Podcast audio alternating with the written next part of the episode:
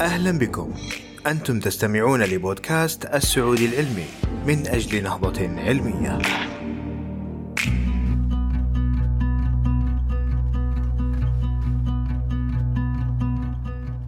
نستطيع حماية النحل والحشرات النافعة بفضل اكتشاف جديد قادر على توجيه المبيدات لاستهداف آفات معينة. حيث وجد فريق من جامعة ولاية ميشيغان بروتينا يمكن استخدامه بعد القليل من التعديلات الجزيئية في المبيدات وذلك لضمان قضائها على الأهداف الضرورية فقط وليس الحشرات المفيدة مثل النحل. تستهدف مبيدات الآفات البريثرويدية قناة الصوديوم الحساسة لفرق الجهد وهي بروتين يوجد في خلايا الأعصاب والعضلات ويستخدم لإرسال الإشارات الكهربائية السريعة حيث ترتبط البريثرويدية مع بوابة الجهد في القناة وتمنعها من الانغلاق. ولقد ركز الباحثون على بروتين واحد يستطيع النحل الطنان مقاومته بنفس درجة مقاومة البشر له.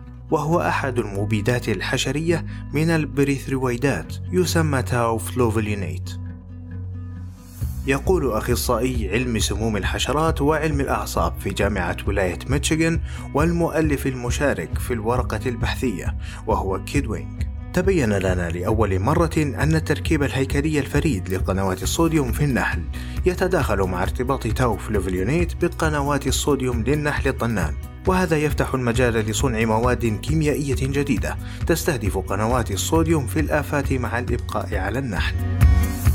قنوات الصوديوم هي بروتينات عبر غشائية كبيرة تتألف من أكثر من ألفين من بقايا الأحماض الأمينية وركز الباحثون بداية على قنوات الصوديوم في العديد من الحشرات بما في ذلك البعوض ذباب الفاكهة العث الصراصير والقراد ويقول دونغ من خلال فحص البعوض البري الذي أصبح مقاوما للبريثرويد أصبحنا قادرين على تضييق المواقع المحتملة التي يمكن التركيز عليها.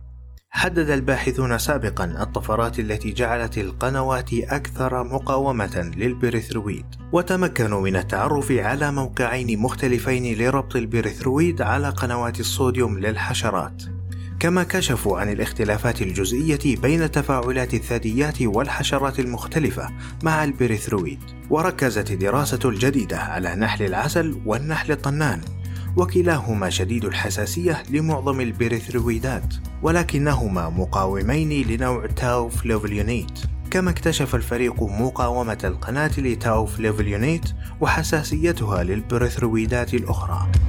أظهرت التحليلات المتعددة للطفرات والنمذجة الحاسوبية أن بقايا أحماض أمينية معينة في قنوات الصوديوم للنحل الطنان هي المسؤولة عن السمية الانتقائية ويخطط الباحثون الآن لدراسة قنوات الصوديوم من مختلف الآفات والحشرات النافعة لاستكشاف مزايا المواقع التي ترتبط مع البريثرويد والتي يمكن أن تضع الأساس لتصميم مبيدات حشرية جديدة وانتقائية.